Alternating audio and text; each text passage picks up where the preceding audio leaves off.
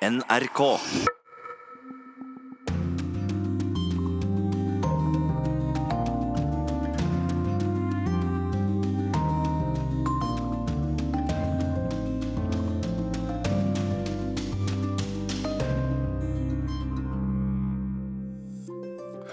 Klokken har passert 11.03. Du lytter på NRK P2 eller Alltid nyheter. Og programmet er Urix på lørdag, der vi oppsummerer Trumps halvår og ser frem mot amerikanske mellomvalget til høsten. Vi skal snakke om latinamerikanske land i krise. Tre med sosialistisk profil. Og Imran Khan, Pakistans etter alt å dømme nye statsminister, er ukens portrett. Stikkord for øvrig. Det er 500 år siden dansepesten herjet i Strasbourg, og New York Daily News slaktes ikke av leserne, men av de nye eierne. Konvolutten med dagens korrespondentbrev bærer russisk frimerke. Dette er Urix på lørdag. I USA nærmer det seg sommerferie, skjønt kanskje ikke for alle. Mange politikere forbereder valgkamp. Senatets ferie er kortet ned til én uke, og ingen vet helt om president Trump vil forlate hovedstaden i to uker for, som planlagt, å spille golf. Tove Bjørgaas ser frem mot det som vil bli en politisk høst av det virkelig heftige slaget, før hun selv tar ferie og blir ekskorrespondent. They're dying to see us make a little bit of a mistake.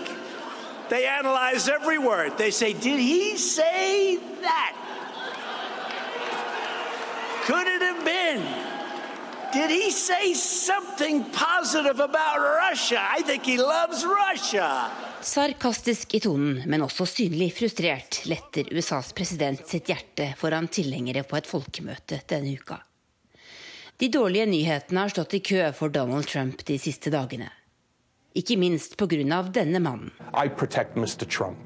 That's what it is. If there's an issue that relates to Mr. Trump that um, is of concern to him, it's of, co of course concern to me. Michael Cohen, presidentens advokat og fikser gjennom mange år, lovet troskap og lojalitet i dette klippet i 2011. Men den lojaliteten ser ut til å være over. For Cohen tok opp samtaler med Trump på iPhonen sin. Et av opptakene ble offentliggjort denne uka. Der diskuterer de to å betale en tidligere Playboy-modell for å holde tett om forholdet hun hadde til Trump. Michael Cohen sier også at han kan tenke seg å samarbeide mer med FBI, som allerede etterforsker ham. Og han sier at Trump ga klarsignal til møte med en gruppe russere i Trump Tower i 2016. Russerne skal ha varslet at de hadde informasjon som kunne brukes mot Hillary Clinton på forhånd. Det er het sommer her i Washington men det kan bli en enda hetere høst. For hva pønsker spesialetterforsker Robert Mueller på? Vil han slippe nyheter kort tid før valget i november? Og vil de i så fall skade Trump? Kongressvalget der hele Representantenes hus og en tredel av Senatet står på valg, er det eneste som virkelig kan få Trump til å sitte mindre trygt enn det han gjør nå. Demokratene har planene klare for å starte en riksrettssak. Men da må deres kandidater først skape nok entusiasme til å få velgerne til å møte opp. Og meningsmålingene har bølget fram og tilbake. Well, I think what we've seen is that working class Americans want a clear champion. Politikere som Alexandria Ocasio-Cortez, det sosialdemokratiske stjerneskuddet fra The Bronx, som slo ut en ringrev i sitt nominasjonsvalg, får mye oppmerksomhet. Men det er ikke i demokratiske New York dette valget skal avgjøres. Det er i vippestater rundt om i landet. Og der betyr dollar og cent trolig mest. Moments ago, the numbers for America's economic growth, or GDP, were just released. And I am thrilled to announce that in the second quarter of this year, the United States economy grew at the amazing rate of 4.1 i går kunne president Trump presentere strålende veksttall for økonomien, som la på seg 4,1% i andre kvartal. Denne uka har han også lovet å betale milliarder i subsidier til bønder som er rammet av handelskrigen. Og kanskje vil svineavlere i Iowa og andre viktige vippestater la seg påvirke av slikt valgflesk. Republikanske kongress- og senatskandidater er likevel hardt presset mange steder. De vet at det kan være farlig å kritisere presidenten, som er så mye mer populær enn dem. I'm Katie Arrington and I approve this message. I'm a conservative. I'll support President Trump, and that's not just talk. Mange kandidater som uttalt støtter Trump, som Katie Arrington i Sør-Carolina, har slått ut mer moderate kolleger i sine nominasjonsvalg. Presidentens hardeste kritikere i sitt eget parti har stort sett vært politikere som ikke stiller til gjenvalg. Noen ganger fordi de vet at de er så moderate at de kommer til å tape. En som imidlertid høyst sannsynlig vil bli valgt inn i Senatet i november, har lovet at han vil være kritisk. Trump if the policies he's proposing are good for the state of Utah, for other states, for the nation. On the other hand, if he were to say something that is divisive and significant, uh, something which were uh, uh, racist or anti-woman or anti-immigrant, then I feel a moral responsibility to speak out. Tidligere presidentkandidat Mitt Romney stiller til Senatet fra Utah, og han kan bli en tydelig stemme. Men først skal det altså stemmes.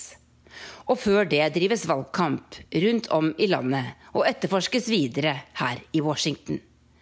Høsten 2018 vil neppe bli kjedelig for den som følger med på amerikansk politikk sa Tove Bjørgaas. I USA er det altså valg til høsten. I Pakistan var det valg denne uken, og landets nye statsminister heter etter alt å dømme Imran Khan. For den 65 år gamle cricketlegenden går dermed en 20 år gammel drøm i oppfyllelse. Men ikke alle har, ifølge vår reporter Sissel Wold, trodd at en internasjonal jetsetter og playboy egnet seg som politiker i dette muslimske landet. मैं आज अल्लाह का शुक्र अदा करता हूँ कि एक 22 साल की struggle Jeg er takknemlig for den 22 år lange kampen jeg tok fatt på i 1996. I dag har Gud gitt meg muligheten til å oppfylle den drømmen jeg har for Pakistan. Det sa Imran Khan i sin første tale etter valget. Han satt statsmannsaktig bak et skrivebord med det pakistanske flagget ved sin side. Khan var en stille og sjenert gutt, fortelles det, da han vokste opp med fire søstre i en velstående familie i Lahore i Punjab-provinsen. Han studerte i Lahore og senere i England, bl.a. i Oxford, der han fordypet seg i filosofi, politikk og økonomi. Underveis spilte han cricket og ble bedre og bedre, og etter Oxford-tiden fikk han plass på Pakistans landslag.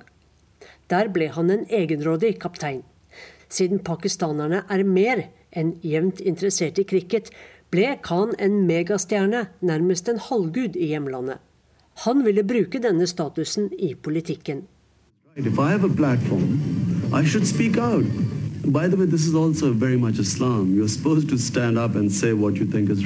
Alle som har en plattform, bør si hva de mener er rett, sa han til australske Sky News i 1996.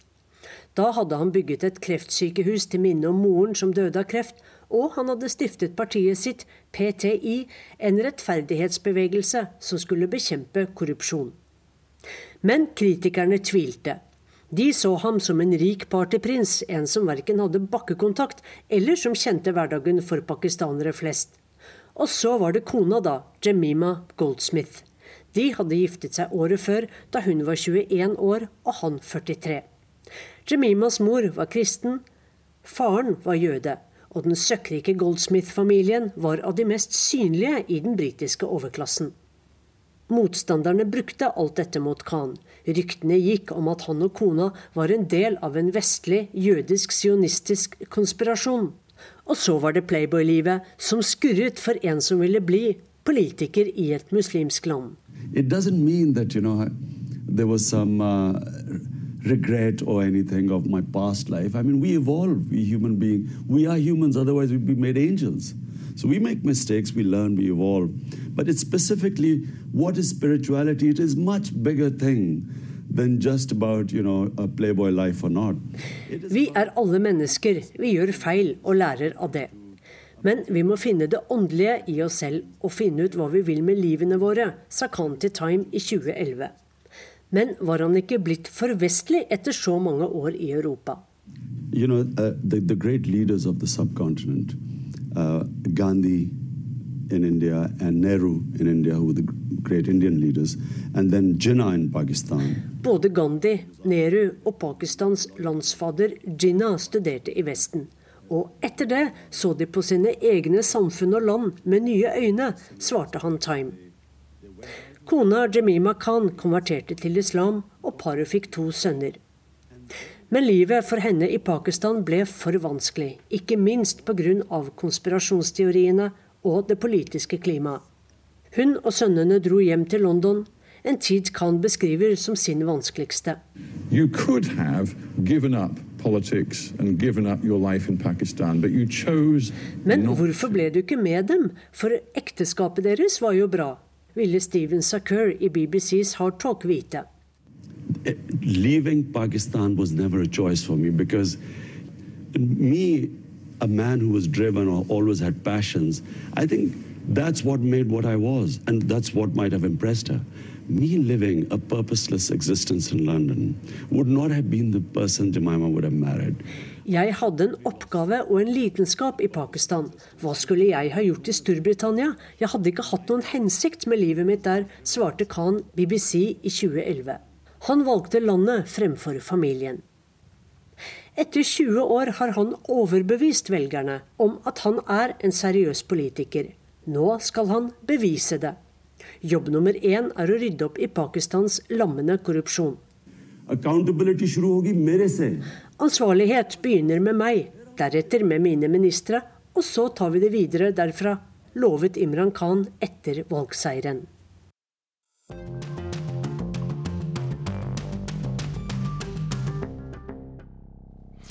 I Nicaragua har mer enn 300 mennesker blitt drept i voldelige protester mot president Daniel Ortega de siste tre månedene.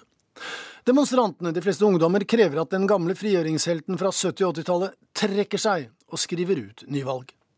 Ortega, på sin side, skylder på alle andre og sier, her til Fox News, at valget i 2021 går etter planen. Hay periodos electorales, un periodo electoral and que tiene su límite en el año 2021. Our electoral period ends in, with the elections of 2021 when we will have our next elections. Daniel Ortega har vært president i Nicaragua i flere perioder siden han ledet den sandinistiske frigjøringsfronten på 70-tallet, en kamp som endte med at diktatoren Somoza ble styrtet i 1979. Den fattige mellomamerikanske bananrepublikken har gått en lang vei i retning demokrati. Men i de siste årene har den tidligere geriljalederen blitt mer og mer autoritær og beveget seg i rent totalitær retning. Og nå er velgerne altså gått lei. Men da reagerer Ortega som en typisk diktator, sier den Harvard-tilknyttede Latin-Amerika-eksperten Manuel Orozco til CBS. Han sender sine egne tilhengere ut i gatene. Og de har myndighet til å undertrykke den frie mening, og gjør det. Men dette klarer de ikke å gjøre i lengden, sier Orozco. And instead is relying on the use of force and state-sponsored repression to maintain his political order. But this is a situation that is becoming unsustainable. Daniel Ortega er i dag 72 år gammel. Uroen brøt ut i april da regjeringen reduserte pensjonene med 5 Indirekte så betyr det at de som har støttet ham hele veien og fulgt ham lengst, skulle betale for det budsjettunderskuddet han selv er ansvarlig for.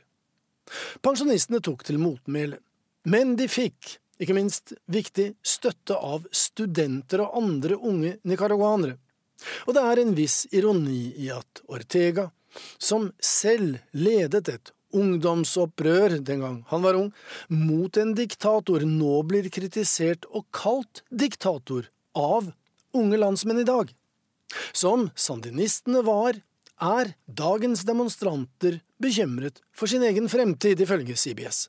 This started in many ways as a student movement. If you look around here, you det. see it still resembles very much og de sier at dette people om deres young, Daniel Ortega hadde altså rockestjernestatus, men er nå i ferd med å bli en folkefiende i eh, eget land. Vi har fått besøk av statsviter og Latin-Amerika-kjenner Vegard By her i Urix-studio. Og Vegard, Hva gikk feil? Må huske på at eh, på, på 80-tallet, da sandinistene var eh, på sitt mest internasjonalt anerkjente, så ble det startet en krig. Som var drevet av nicaraguanske fattige bønder, Contras, men som var initiert og finansiert og, og opplært av USA. Dette var Reagans store eh, fikse idé at Nicaragua var i ferd med å seg, gjøre at kommunismen nærmet seg USAs høygrenser. Dette var rev i stykker økonomien. Eh, det rev i stykker hele det, skal vi si, eh, humanitære, den humanitære kapitalen som revolusjonen hadde. Og da de tapte valget i 1990, så eh, var det jo en stor diskusjon internt hva de skulle gjøre. De ble enige om at de måtte satse på å skaffe penger for å kunne hevde seg politisk i en ny runde. Og i, den, i det momentet så tror jeg at Daniel Otega tilrev seg hele kontrollen. I dag er nesten alle de andre ni revolusjonskommandantene som han var en del av, det var jo en kollektiv ledelse, er i opposisjon, og til dels fordømmer han like sterkt som ungdommen i, gatene. Så det er ikke sandinismen som sådan som har endret seg, vil jeg påstå, men det er Ortega som har gått fra å være eh, en, en del av en ledelse en humanitær revolusjon til å betrakte makt ikke som et middel, men som et mål. Men samtidig så Utad så er jo veldig mye av retorikken hans er jo den samme. Mange av slagordene er de samme, slik at man kan på den ene side få inntrykk av at det er business as usual, men samtidig så har han altså endret kurs. Har man noen forklaring på hvorfor? Makt. Altså Det er jo to kanskje de to viktigste endringene i, i hele hans uh, maktbasis er alliansen med landets rikeste, men de aller rikeste i Nicaragua, og de er rike, og med kirken. Og Det første har vært en uh, strategi for å eh, holde hjula gående, og Nicaragua har hatt en ganske bra økonomi, faktisk. Det andre, altså alliansen med kirken, som jo i hvert fall kardinalen i Nicaragua var jo en av Contras nærmeste allierte. Ehm, så skjønte Ortega at de måtte få eh, allianse med kirken. Du nevnte abortloven. Eh, Nicaragua hadde en veldig progressiv abortlov. Eh, for å oppnå kardinalens støtte så snudde det helt opp, opp ned. Og i dag har Nicaragua en av de verste abortlovene i verden. Så disse to alliansepartnerne her har vært viktige. Nå er han i ferd med å få begge mot seg, og det er det interessante. Det begynte som et ungdomsopprør. Uh, uorganisert, uten våpen. Det er de to store forskjellene fra revolusjonen i 79. Uh, men etter hvert så har da også borgerskapet forstått at dette er ikke i deres interesse. Og Kirken er i dag en viktig alliert, vil jeg påstå, med ungdommene som et, i et forsøk på å få forhandlinger med Ortega. Men så er det et spørsmål til, da. Det er veldig lett å rope på demokratiet, og demonstranter skal alltid innføre demokrati, på samme måte som for så vidt Daniel Ortega også sa en gang i tiden. Finnes det spirer til en samlet opposisjon som kan forene seg mot Ortega og representere et alternativ når den tiden til sjuende og sist kommer, enten det er nå snart eller ved valget om tre år? Jeg oppfatter at opposisjonen er ganske samla, men foreløpig er det en opposisjon som er samla om protest. Eh, I Nicaragua kalte man det 'protesta sin propuesta', altså protest uten forslag. Og hittil er det ingen eh, politiske programmer, ingen ledere, ingen eh, alternativer som lar seg gjennomføre i, i morgen. Dette vil vokse fram. Men Nicaragua er jo historisk et land hvor, hvor, eh, hvor folk tar makta. Eh, det er eh, kanskje det mest opprørske landet i hele Latin-Amerika, egentlig. Og Derfor så vil heller aldri Ortega klare å vinne denne kampen. Det kan ta tid. Han er villig til å ofre mye blod. Han er villig til f.eks. å ødelegge det beste politikorpset i nesten hele Latin-Amerika, som politiet i Nicaragua var. Sender nå eh, lumpenelementer, halvkriminelle ungdommer ut i gatene for å drepe sine, sine, sine samtidige, altså andre ungdommer. Eh, så han er villig til å gå forferdelig langt. Men eh, det vil vokse fram et alternativ som også har en slags internasjonal forankring. Eh, per i dag så er det en samlet opposisjon mot Ortega, men ingen alternativ. Eh, vi har derimot et lite alternativ til deg, eh, Vegard By. Du skal få lov til å komme tilbake, men først nå til USA igjen. Der eh, USAs en gang i tiden største avis, New York Daily News, etter manges mening også en av USAs viktigste aviser en gang i tiden. Denne uken valgte nemlig de nye eierne, selskapet Tronk, å si opp sjefredaktøren og halve staben. Og det er ikke fritt for at det falt noen tårer. Plutselig selv i blitsregnet mandag morgen, på vei ut av redaksjonslokalene til New York Daily News på nedre Manhattan, med pappesker i hendene. Tydelig rystet etter møtet som skal ha vart i under ett minutt, men lagt om kursen fullstendig for sjefredaktøren og halvparten av de ansatte i den historiske tabloidavisen. For nå står de uten jobb. I feel very privileged to get to, to have gotten to work with um, some of the best in the business. I, I feel like I grew up at the Daily News. It's meant everything to me. Dette har vært livet mitt i nesten seks år, og jeg føler meg svært privilegert som har fått jobbe sammen med noen av de beste i bransjen. Jeg føler at jeg har vokst opp i Daily News. Avisen har betydd alt for meg, sier journalist og forfatter Chelsea Marces gråtkvalt. Selvsagt gråter folk. Journalistikk er mer enn en jobb for de fleste. Det bare er sånn, sier Todd Maisel. Den gråhårede newyorkeren står med kamera over den ene skulderen, bagen over den andre, og holder en mappe i hendene. Fotografen hadde sin første forside i avisen i 1983. I løpet av ett minutt var et livslangt forhold avsluttet og fotoredaksjonen historie. What happened is uh, they had to make some decisions they felt that were necessary. Det som har skjedd, er at de har gjort noen endringer som de mener var nødvendige. De driver et foretak de må sørge for profitt, forklarer Todd Maisel tydelig oppgitt. Avisen har som andre lidd under fallende annonseinntekter og opplagstall de siste årene. Digitalt når de 23 millioner lesere hver dag. Men det skal ikke være tilstrekkelig for avisens nye eiere. Medieselskapet Trunk Incorporated i Chicago, som kjøpte avisen i fjor. They did emphasize that they're going to be doing breaking news, so rid of me and breaking news team makes perfect sense, doesn't it? I mean, uh, yes, I'm being facetious. Uh, Jeg forstår at de må gjøre endringer. De understreket at de skal fortsette med løpende nyheter, så å fjerne meg og hele teamet som driver med nettopp det, gir stor mening, sier Todd Maisel ironisk. For han forstår egentlig ikke hvorfor avgjørelsen er tatt, og på hvilket grunnlag.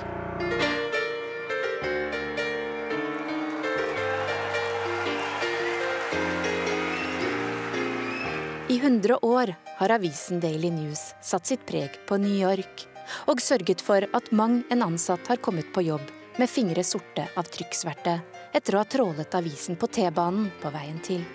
For mange et symbol på det å være newyorker, som skildret av Billy Joel i hans New York State of Mind. The New York Times, Daily News. Opprinnelig var avisen arbeiderklassens venn som fortsatte å vinne tillit og høste anerkjennelse, spesielt gjennom sine mange avsløringer relatert til kriminalitet og korrupsjon i storbyen. I sin storhetstid hadde avisen det største opplaget i hele USA, og var en referanse alle kunne relatere seg til.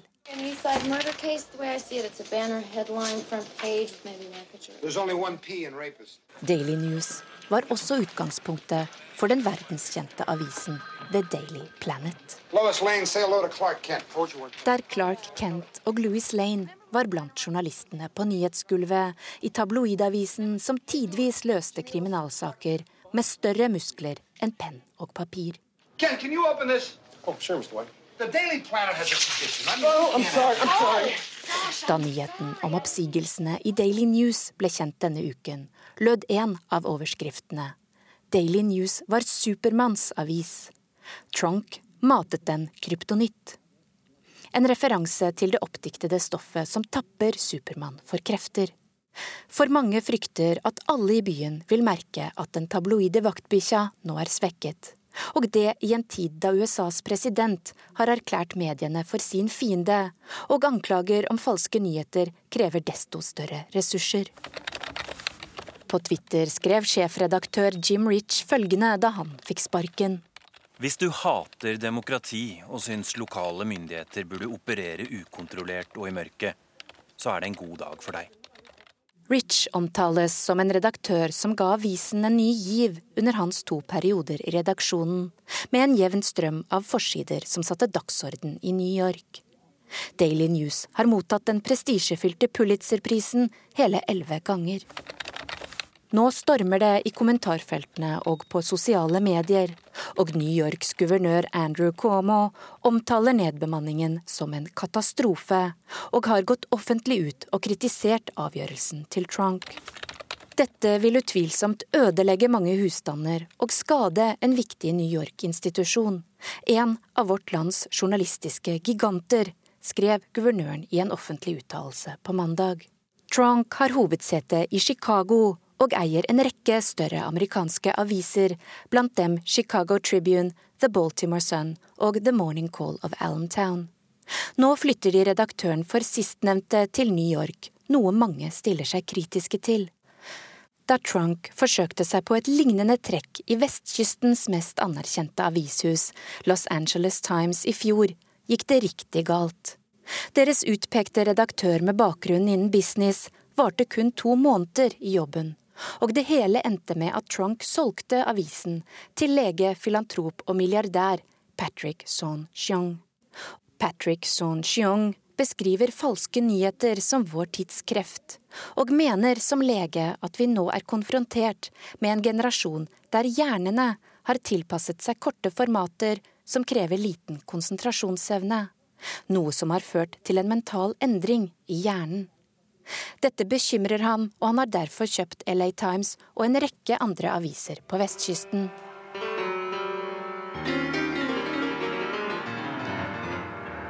Håpet er å forsterke den fjerde statsmakt, mediene, i en tid da demokratiet i hans øyne er under press i USA.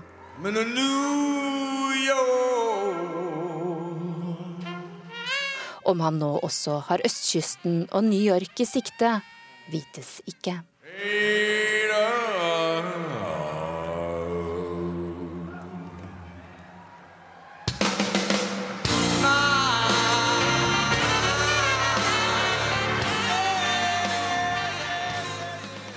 New York State of Mind, musikalsk ved Billy Joel, og før det journalistisk ved Charlotte Bergløff.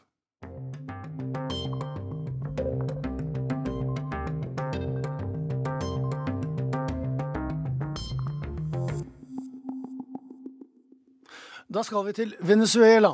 Landet som ifølge Det internasjonale pengefondet kan oppnå den tvilsomme æren av å passere én million prosents inflasjon i løpet av året. Det økonomiske sammenbruddet i det oljerike landet på Sør-Amerikas nordspiss er blitt en nyhetssak i seg selv. Hvordan lever man når pengene er uten verdi, spør blant andre amerikanske Fox News. The Venezuelan currency devalued so much that people are using banknotes to make things like soccer balls or works of art. Papirpengene blir brukt til å klippe og lime i festlige mønstre, eller man stapper sedlene i en lærkule som kan brukes til å spille fotball. Men når inflasjonen er på 125% i timen, altså en million jevnt fordelt på alle årets timer, så mister pengene sin egentlige verdi som byttemiddel. I Venezuela hopper man nå over penger som mellomledd og bytter direkte. For eksempel, det kan være en kylling mot et par sko eller en barnevogn mot en radio, alt avhengig av den bytteverdien som de to gjenstandene har for de to bytterne.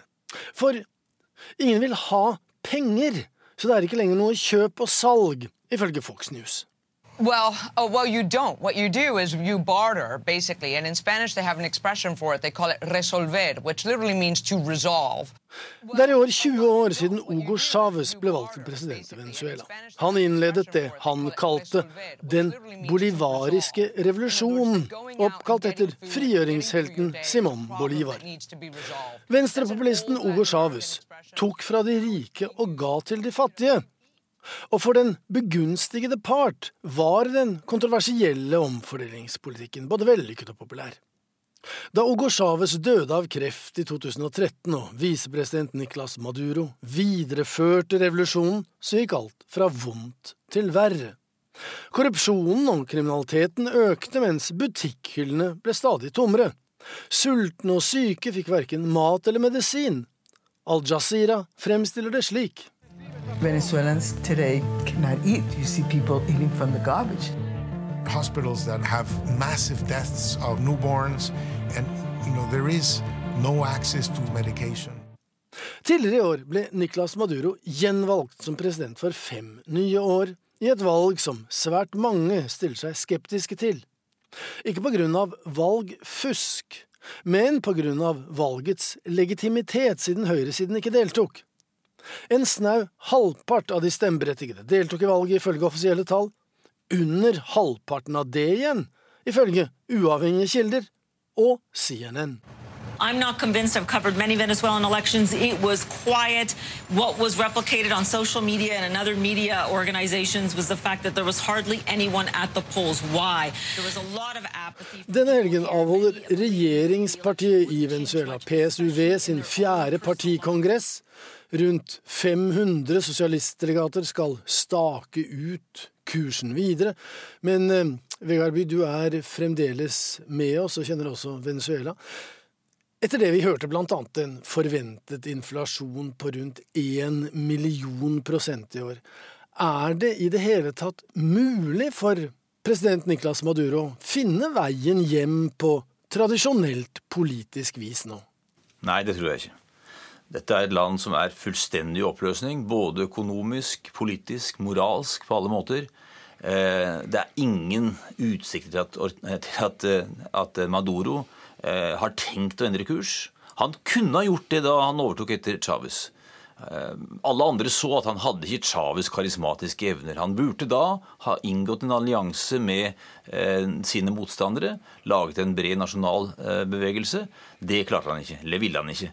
I dag eh, er det bare eh, en eller annen form for forhandling med eh, sterk internasjonal medvirkning som kan redde dette landet. Og jeg er redd det bare blir verre før det blir bedre.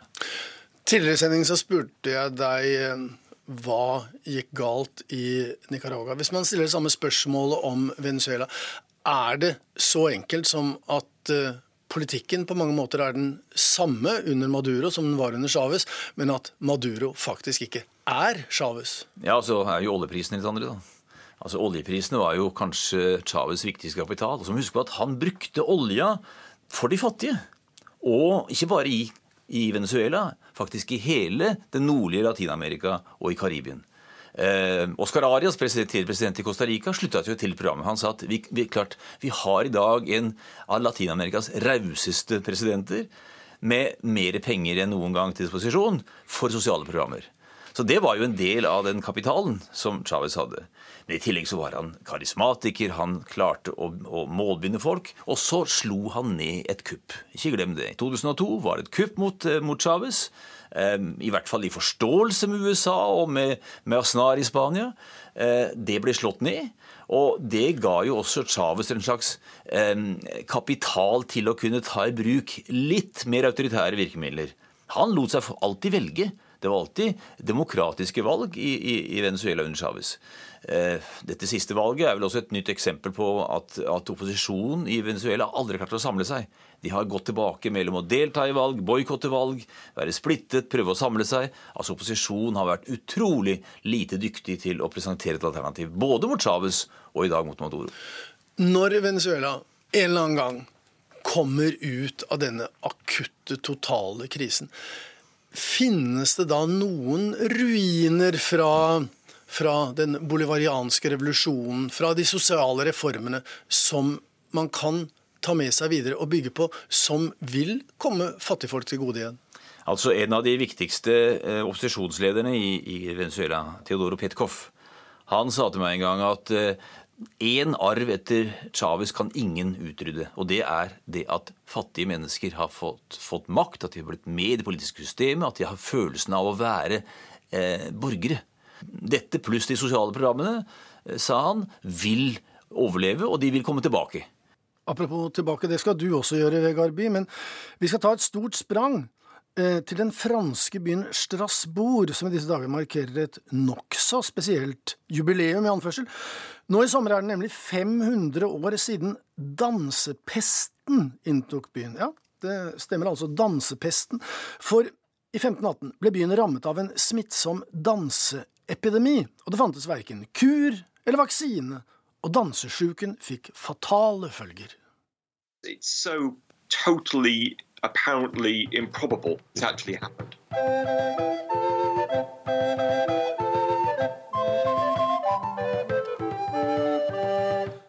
Det begynte med en enslig dame. Fru Trofea het hun. En julidag i 1518 gikk fruen ut i Strasbourgs gater og begynte å danse. Først danset hun alene, uten musikk og uten stans. Men i løpet av noen få dager heiv stadig flere andre seg med i dansen. There were about 20, 30 people who had followed her into the street and they were dancing too. And this very rapidly got out of hand within a few weeks, you've got hundreds of people who, for longer or shorter periods of time, have been dancing. John Waller er medisinsk historiker og har skrevet boka 'En tid for å danse, en tid for å dø'. Om en av de kanskje merkeligste sykdomsepidemiene i historien. Det kunne være fristende å avfeie det hele som sagn og oppspinn, men det er faktisk godt dokumentert. Byrådet i Strasbourg førte nemlig sirlige referater fra sine diskusjoner om hva de skulle gjøre, og kom fram til at det beste var å la folk danse ferdig. What this, the city does is absolutely fascinating and, and it's not really fully understood. They decided that what these people needed more than anything else was to keep dancing. So they hired musicians, They hired what they called strong men to keep the dancers on their field. They even built a stage uh, right opposite the horse fair in the very heart of the city. Byen bygde scener, leide inn musikere og sterke menn som vakter. Folk danset bokstavelig talt til de stupte. Remember summer. Very, very. These people were not eating much. They weren't drinking much. Not surprisingly, and the chronicles are really insistent on this, people began to die. And that's when the city got together and realized it had made a mistake. På det verste skal det ifølge en av datidens kilder ha dødd 15 mennesker om dagen i Strasbourg. Hundrevis av mennesker var smittet av dansepesten, og dansen varte til langt utpå høsten.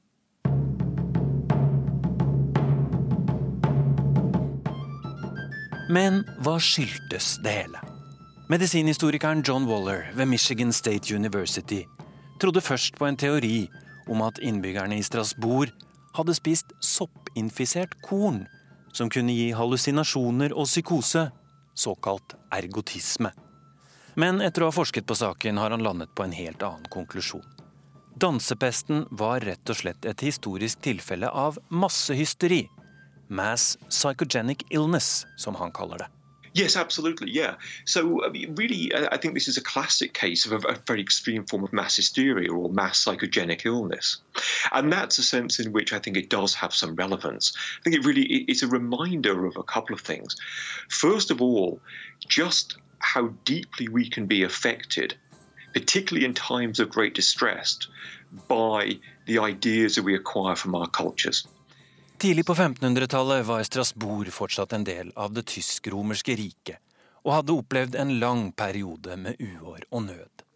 I tillegg fantes religiøse forestillinger om at dans var synd, og en tilbedelseskult rundt den hellige Sankt Vitus, som ble sett på som nettopp dansens skytshelgen. Og først da danserne ble fraktet noen mil ut av byen, til et hellig sted for Sankt Vitus, skal epidemien i Strasbourg langsomt ha dødd ut. And what can we learn from all this? Um, I mean, I, I really think that there are very, very clear instances in which distress can unlock ideas and beliefs about the world. What to me is so interesting about what happened in Strasbourg in 1518 is that it provides an object lesson, a really extreme case that underscores what can happen if you combine a belief with real distress. Og om du nå tror at dette bare er en 500 år gammel historie, helt uten relevans for vår tid, da må du også tro om igjen, ifølge ekspertene. De kan nevne både latterepidemien i Tanzania tidlig på 1960-tallet, besvimelsesepidemien på Vestbredden i 1983 og en by i Kasakhstan der innbyggerne nå de siste åra stadig har falt i søvn i dagevis og ukevis, som moderne eksempler på det som trolig er massehysteri.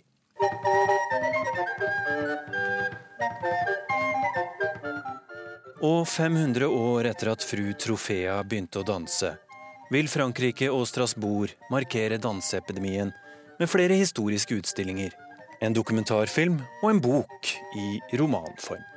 Byens unge har kommet opp med en helt annen form for feiring. De vil arrangere rave-party.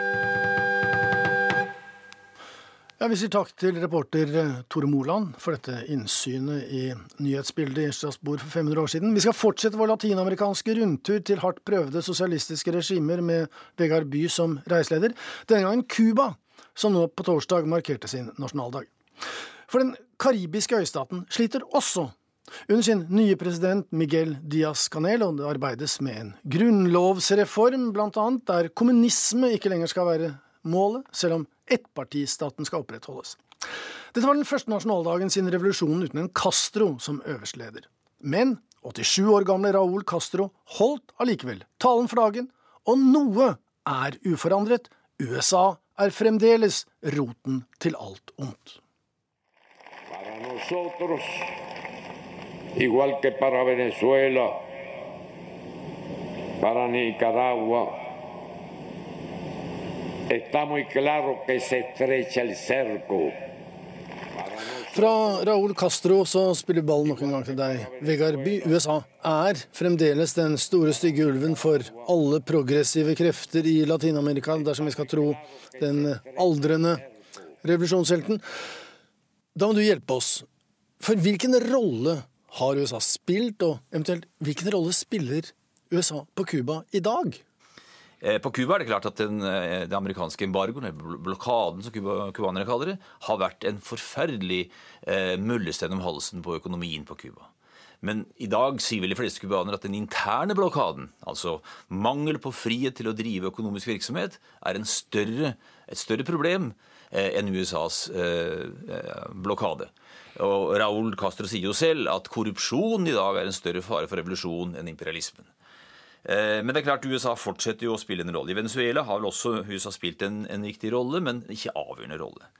Så dette er selvfølgelig til sjuende og sist lederens eget ansvar. Det er en, en, eh, et, eh, tre eksempler på, veldig forskjellige eksempler, på at eh, det som var en idealistisk revolusjon, har endt opp enten med korrupsjon og, og, og, og massakrer, som i Nicaragua, delvis i Venezuela, eller med en, et system som ikke lenger er i stand til å overleve økonomisk som på Cuba.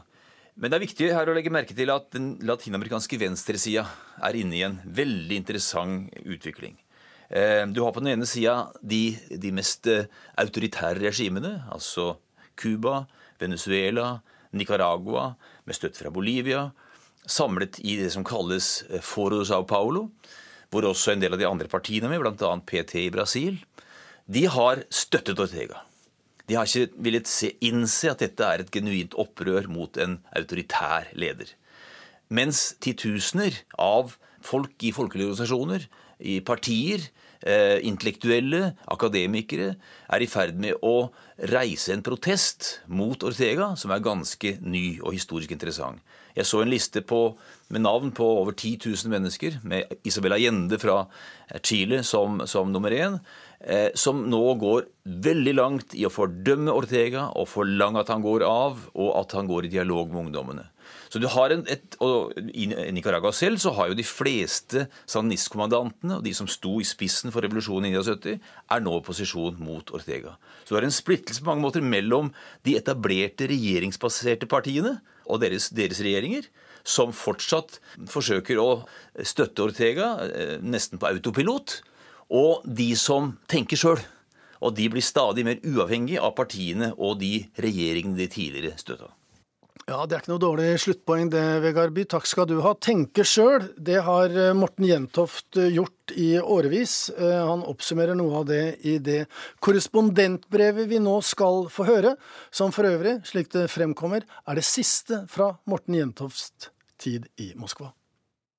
Sommeren er tid for oppbrudd for noen av oss som har hatt det privilegium å være korrespondenter for NRK i utlandet. Og det har virkelig vært et privilegium å få være NRKs korrespondent her i Moskva i nye fire år. Dette kontoret har en lang historie. Ja, faktisk feirer vi 50-årsjubileum i år, og er dermed det eneste av NRKs korrespondentsteder som kan vise til en permanent tilstedeværelse i én by i så mange år. I forbindelse med at jeg nå pakker sammen her, så skal vi i august ha en liten markering av dette hjemme hos meg. I all beskjedenhet, men likevel. Jeg snakket på telefonen med To Strand for noen uker siden, og han fortalte at det var mye fram og tilbake, og under ganske uklare forhold. Han etablerte NRKs Moskva-kontor i 1968 som den første korrespondenten i den lange rekken som nå henger på veggen ute i gangen i våre nåværende lokaler like ved Aktsjablskaja metrostasjon sentralt her i den russiske hovedstaden. Selv har jeg nå tilbrakt åtte år som korrespondent i Moskva, og inntar dermed en god andreplass på listen etter mitt bysbarn Hans-Wilhelm Steinfeld, som nå kommer til å bli sittende med rekorden over lengst tjenestetid her, etter sine fire perioder og 17 år som NRKs utsendte midt i det veldige Russland. De siste dagene nå før ferien har jeg sammen med min faste fotograf Juri gått gjennom en del av de bilder som vi har tatt i forbindelse med reportasjer og opptak som vi har gjort de fire siste årene. Tanken har vært å lage en liten utstilling i forbindelse med 50-årsjubileet, som også kan være grei å vise fram til de mange gjester som kommer innom kontoret vårt. Og det har det heldigvis vært ganske mange av, selv om det pga. arbeidspresset nok ikke alltid har vært like god tid til å ta seg over alle dere som har ønsket å stikke innom. Men kontakten med dere brukere av NRK er viktig for oss som er sendt ut i verden. Og jeg vil gjerne bruke denne anledningen til å takke for ris, ros og korrigeringer.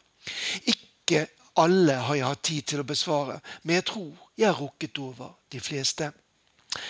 Jeg må innrømme at da jeg søkte og fikk jobben som korrespondent i 2014, så var det med litt delte følelser for det å komme tilbake til Moskva 14 år etter at jeg forlot den russiske hovedstaden forrige gang.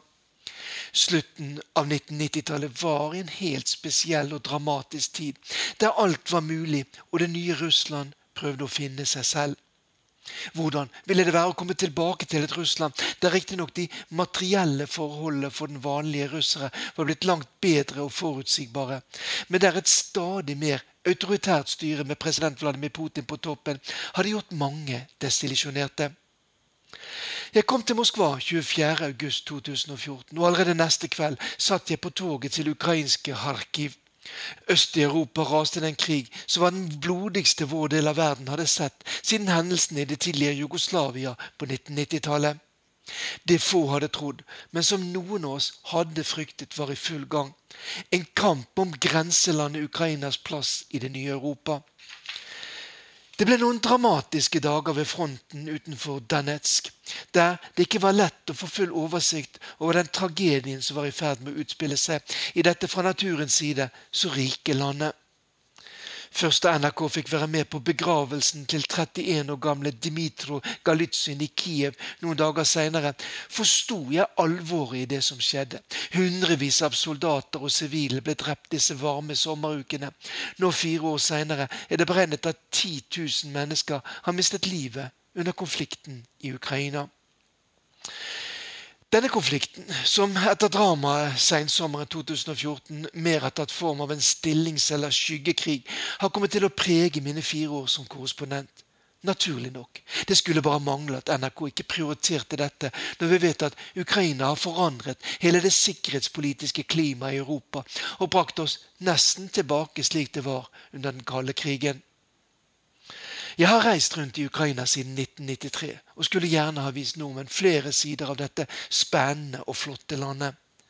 Heldigvis ble det litt tid til å vise det også, som da vi fikk være med på gudstjeneste og kirkekaffe i den vakre kirken til Igor Jurkevitsj i Tsjernitsa vest i landet litt før jul i 2017.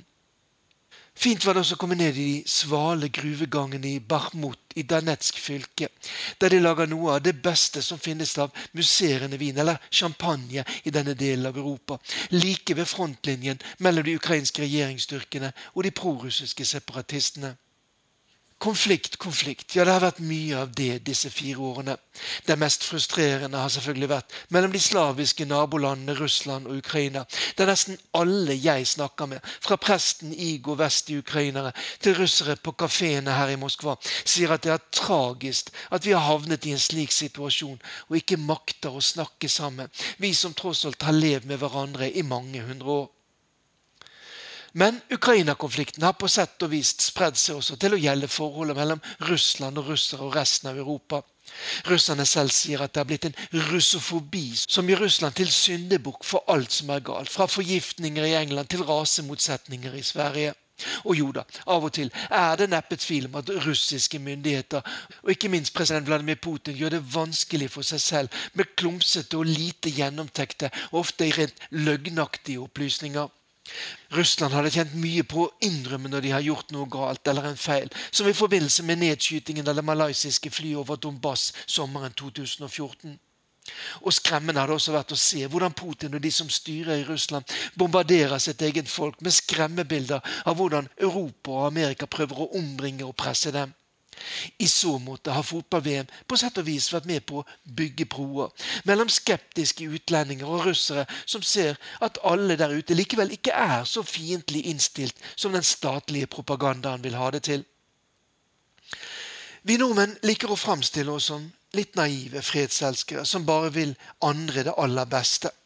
Men da jeg for første gang møtte den pensjonerte norske grenseoffiseren Frode Berg gråtende stående inne i et glassbur i byretten i Moskva nå i januar, så var det som om masken ble dratt vekk fra oss nordmenn. Plutselig hadde den russiske sikkerhetstjenesten FSB fanget en nordmann som innrømmet at han hadde vært på oppdrag for norsk etterretning.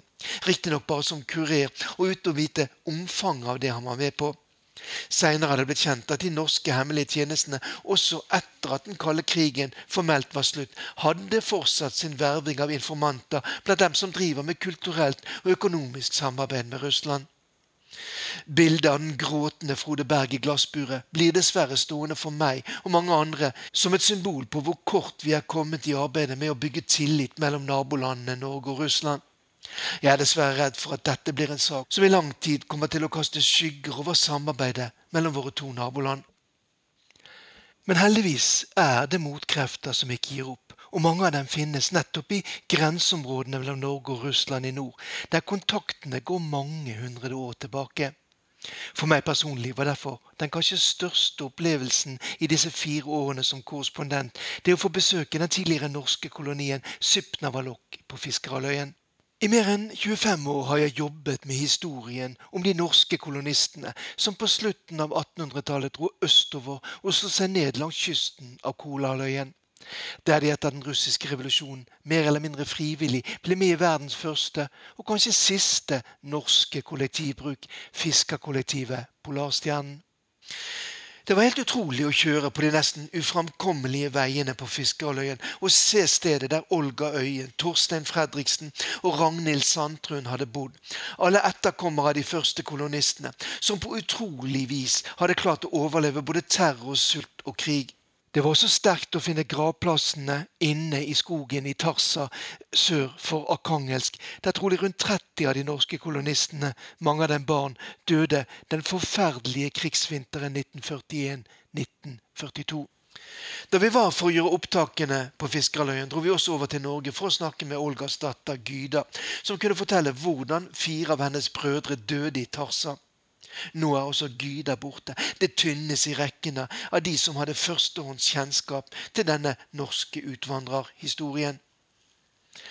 Og det er møtene med enkeltmenneskene som jeg husker best etter fire år som korrespondent. Som Gyda fra Sipnavalok og tannlegen Ludmila, som prøvde å overleve midt i krigens Danetsk, bl.a. gjennom å snakke på Skype med sin norske venninne Elin, som hun ble kjent med på Svalbard. Og det har vært mange og hyggelige opplevelser også, som møtet med Andrej Kospitz og hans venn Dimitri Klimov, som har startet med produksjon av pølser og pateer ute på landsbygden i Vladimir fylke, og selger direkte til kunder og restauranter i Moskva.